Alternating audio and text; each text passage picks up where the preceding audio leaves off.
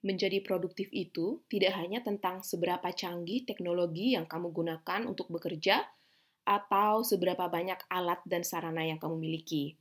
Bekerja secara produktif adalah menyelesaikan tugas tanpa gangguan dan hambatan sesuai target yang kamu tentukan. Dan peralatan hanyalah penunjang, bukan penentu produktivitas.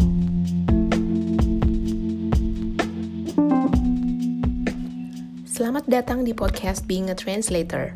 Nama saya Desi Mandarini, saya adalah penerjemah dan juru bahasa lepas untuk pasangan bahasa Inggris Indonesia. Saya memulai karier sebagai pengajar bahasa Inggris, kemudian tidak sengaja terjun ke dunia penerjemahan, dan akhirnya memutuskan memilih untuk menekuni profesi sebagai penerjemah dan juru bahasa lepas hingga saat ini. Hai, hai, hai. Selamat datang di episode ke-17 Senior Being a Translator, a podcast by Desi Mandarini. Yap, itu nama saya. Tapi senior ini tidak melulu isinya tentang saya. Saya membahas banyak hal seputar pekerjaan saya sebagai penerjemah dan juru bahasa dan produktivitas kerja sebagai pekerja lepas. Yuk langsung masuk ke topik kita kali ini, yaitu alat produktivitas untuk pekerja lepas. Apa saja sih alat produktivitas yang biasa digunakan oleh pekerja lepas atau mungkin orang secara kebanyakan. Kalau menurut saya, pekerja lepas itu memiliki jadwal yang fleksibel. Jadi, hal pertama yang harus diingat untuk diatur adalah jadwal kerja. Nah, mengatur jadwal kerja itu susah-susah gampang ya menurut saya untuk memulai mengatur jadwal, memiliki jadwal, dan menaatinya secara disiplin, itu memang butuh waktu yang cukup lama. Kalau saya sendiri, setelah saya bekerja lepas selama kurang lebih 1-2 tahun, baru saya memiliki semacam kebiasaan, ya, semacam jadwal yang bisa saya ikuti secara disiplin. Itu setelah satu atau dua tahun loh, bayangkan. Sebelumnya, saya hanya bekerja berdasarkan asas suka-suka. Misalnya ada proyek penerjemahan yang tenggatnya satu minggu. Saya bekerjanya bisa uh, pagi kalau sedang mood, kemudian uh, bisa mulainya siang atau sore, bahkan baru mulai membuka uh, laptop pada malam hari. Itu dulu ya. Setelah, karena saya rasakan setelah satu dua tahun itu tanpa jadwal yang pasti itu kok sepertinya uh, saya merasa cepat lelah, merasa aduh hidup jadi berantakan karena saya tidak punya jadwal tetap. Meskipun saya tidak bekerja kantoran, tapi jadwal tetap itu untuk pekerja lepas itu wajib bagi saya. Eh, entah kalau kalian, nah, kamu mungkin eh, bisa saja bekerja suka-suka, memulai bekerja jam berapa, terserah sesuai eh, perasaan atau mood kalian itu terserah ya. Tapi di sini saya ingin membagikan apa saja yang pernah saya alami berkait dengan alat produktivitas untuk pekerja lepas ini. Baiklah, tadi saya sebutkan jadwal yang fleksibel. Pekerja lepas memiliki jadwal yang fleksibel. Nah, untuk mengatur jadwal kerja, saya dulu, lagi ya, dulu, saya adalah tipe yang suka mencoba berbagai jenis aplikasi. Apa pun aplikasi yang dirilis di luar sana, pasti sudah pernah saya coba. Saya dulunya suka sekali eh, mengikuti apa kata orang. Jadi oh uh, pakai ini deh aplikasi A ini bagus banget karena uh, saya terbantu banget kalau kamu pakai aplikasi A kamu akan selalu diingatkan kapan kamu harus membuat jadwal harian, kapan kamu harus melakukan tugas A, tugas B, dan ini bisa diselaraskan di dari ponsel ke laptop, ya, ke PC kamu dan segala macam. Ini juga grafisnya bagus, tata letaknya bagus. Jadi saya dulu cepat termakan hal-hal seperti itu. Tapi sekarang syukurlah tidak lagi. Saya sudah menemukan prinsip saya bahwa produktivitas itu tidak ditentukan oleh seberapa bagus, seberapa banyak alat produktivitas yang saya miliki. Baik, jadi tadi saya sebutkan mengatur jadwal. Saya menggunakan kalender, ada kalender digital, saya memilih menggunakan kalender digital dan buku catatan atau aplikasi pencatat digital.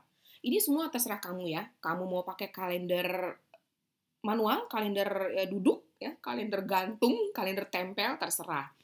kalian ingin menggunakan buku catatan eh, atau menggunakan aplikasi pencatat yang ada di ponsel atau di laptop juga terserah. Jadi, saran saya gunakan mana saja yang sesuai dengan selera, sesuai kemampuan, dan cocok dengan kebiasaan kamu. Percuma saja kalau punya banyak aplikasi tapi tidak digunakan. Percuma saja punya aplikasi canggih tapi jarang dibuka. Sama sekali tidak membantu produktivitas kan? Nah, Um, selain kalender digital, kemudian pencatat digital, saya juga menggunakan buku catatan ya, jangan salah. Jadi selain uh, ketika saya sedang tidak ingin membuka ponsel atau laptop, sedang jauh dari laptop dan ponsel, saya akan mencatat di buku catatan saya. Kemudian saya juga punya pengingat di ponsel. Jadi ini untuk mengingatkan eh, hal-hal uh, penting yang sekiranya kecil-kecil. Misalnya, oh, pukul 2 siang uh, balas email Bapak X misalnya. Kemudian saya juga punya spreadsheet untuk mengatur jadwal bagi saya ya, mengatur jadwal menerbitkan blog dan siniar. Kemudian saya juga menggunakan penyimpanan awan atau cloud storage untuk menyimpan file kerja, file pribadi, catatan pribadi, catatan kerja, dan semuanya agar selalu bisa saya akses dari mana saja, baik dari ponsel maupun dari laptop atau tablet saya. Jadi kapan pun saya perlu mengakses file tertentu, saya bisa melakukannya dari mana saja. Nah, kembali lagi, menurut saya, hal terpenting dalam menciptakan dan mempertahankan produktivitas itu adalah pertama niat, kedua kebiasaan. Pertama, hal yang harus ada itu adalah niat. Percuma saja kamu punya seabrek produktif, uh, alat produktivitas, tapi tidak pernah digunakan. Tetap saja pekerjaan kamu tidak akan selesai dan jadwal tidak akan tertata. Betul kan? Jadi hal pertama yang wajib kamu miliki adalah niat untuk menjadi produktif. Ketika niatmu sudah ada, wujudkanlah dalam bentuk kebiasaan. Membangun kebiasaan ini memang, apalagi kebiasaan baik ya, sangat sulit. Jadi kebiasaan ini akan menjadi asetmu dalam bekerja dan beraktivitas sehari-hari. Aset penting. Percaya deh. Kebiasaan jika pertama kali dilakukan satu hal ya, pasti terasa berat. Namun coba deh pikirkan hal positif yang akan kamu raih dari membangun kebiasaan tersebut. Misalnya, oh, dengan melakukan kebiasaan mencatat kapan saya harus mengirim invoice, saya tidak akan ketinggalan lagi dalam mengirim invoice kepada klien dan pembayaran akan masuk sesuai waktu dan harapan saya. Jadi, saya bisa mengatur keuangan dengan lebih baik dan menyelesaikan hal-hal kecil admin seperti pengiriman invoice dan penerimaan pembayaran itu dengan baik. Setuju kan?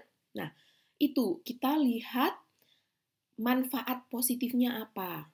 Jadi, kalau kamu sudah punya kebiasaan rutin, semua hal saya yakin akan mengalir dengan lancar. Percaya, ini sudah saya buktikan sendiri. Ada satu lagi kebiasaan yang saya bangun, yaitu kebiasaan sederhana seperti memeriksa kalender dan buku catatan setiap pagi. Hal pertama yang saya lakukan adalah membuka kalender dan buku catatan atau pencatat digital setiap pagi. Memang sepele ya kedengarannya, tapi dari sini saya bisa tahu, oh berapa jam saya harus bekerja setiap hari. Dan apa saja pekerjaan atau tugas yang bisa saya lakukan dan harus saya lakukan hari ini. Misalnya, kalau hari Senin sedang lowong, maka saya akan fokus menyelesaikan tugas-tugas yang menuntut saya untuk pergi keluar rumah.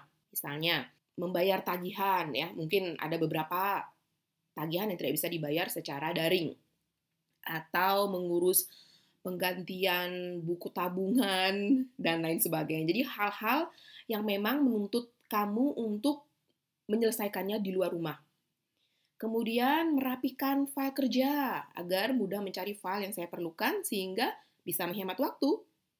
Tidak harus kebingungan, ah kemarin file pekerjaan A ini saya taruh di mana ya karena klien ternyata melanjutkan untuk memberikan proyek yang berkaitan dengan file A tadi, file pekerjaan A tadi.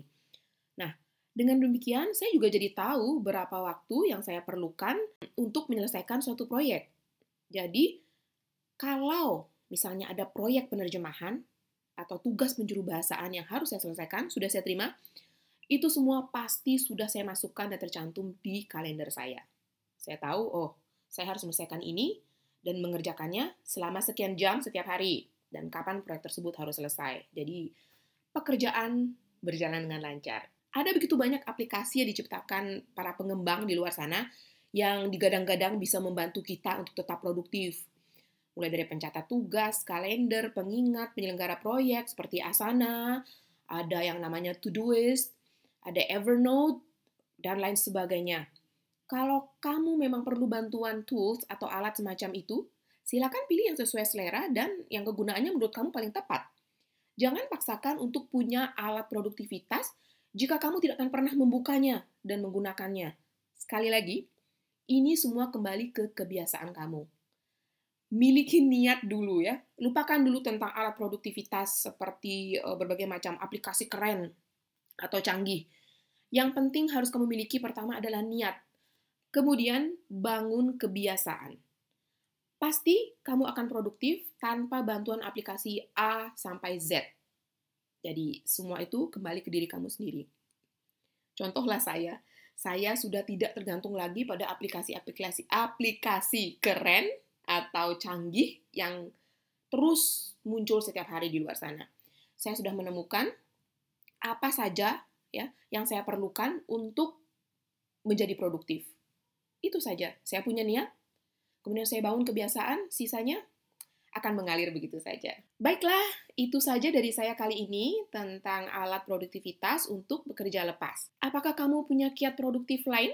Atau mungkin kamu menggunakan beberapa alat penunjang atau mungkin kamu juga hanya mengandalkan alat sederhana atau tidak menggunakan alat penunjang sama sekali.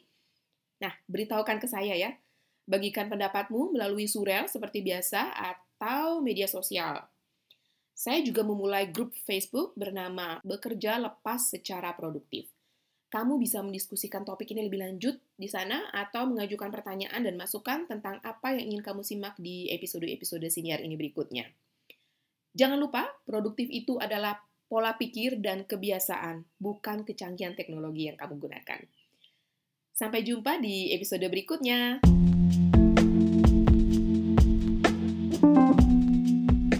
Kalau kamu suka podcast ini, jangan lupa bagikan di media sosial kamu dan beri ulasan. Saya juga menulis tentang pengalaman dan tips seputar penerjemahan dan freelancing di blog saya di www.desimandarini.com. Kirimkan pertanyaan, komentar, dan masukan kamu ke alamat email hello at desimandarini.com atau ke Twitter di DF Mandarini. Tertarik untuk menjalani karier sebagai penerjemah lepas? Atau sekadar ingin tahu lebih banyak tentang keseharian penerjemah dan juru bahasa saat bekerja? Ikuti Instagram saya di Desi Mandarini. Sampai jumpa di episode berikutnya dan salam sukses!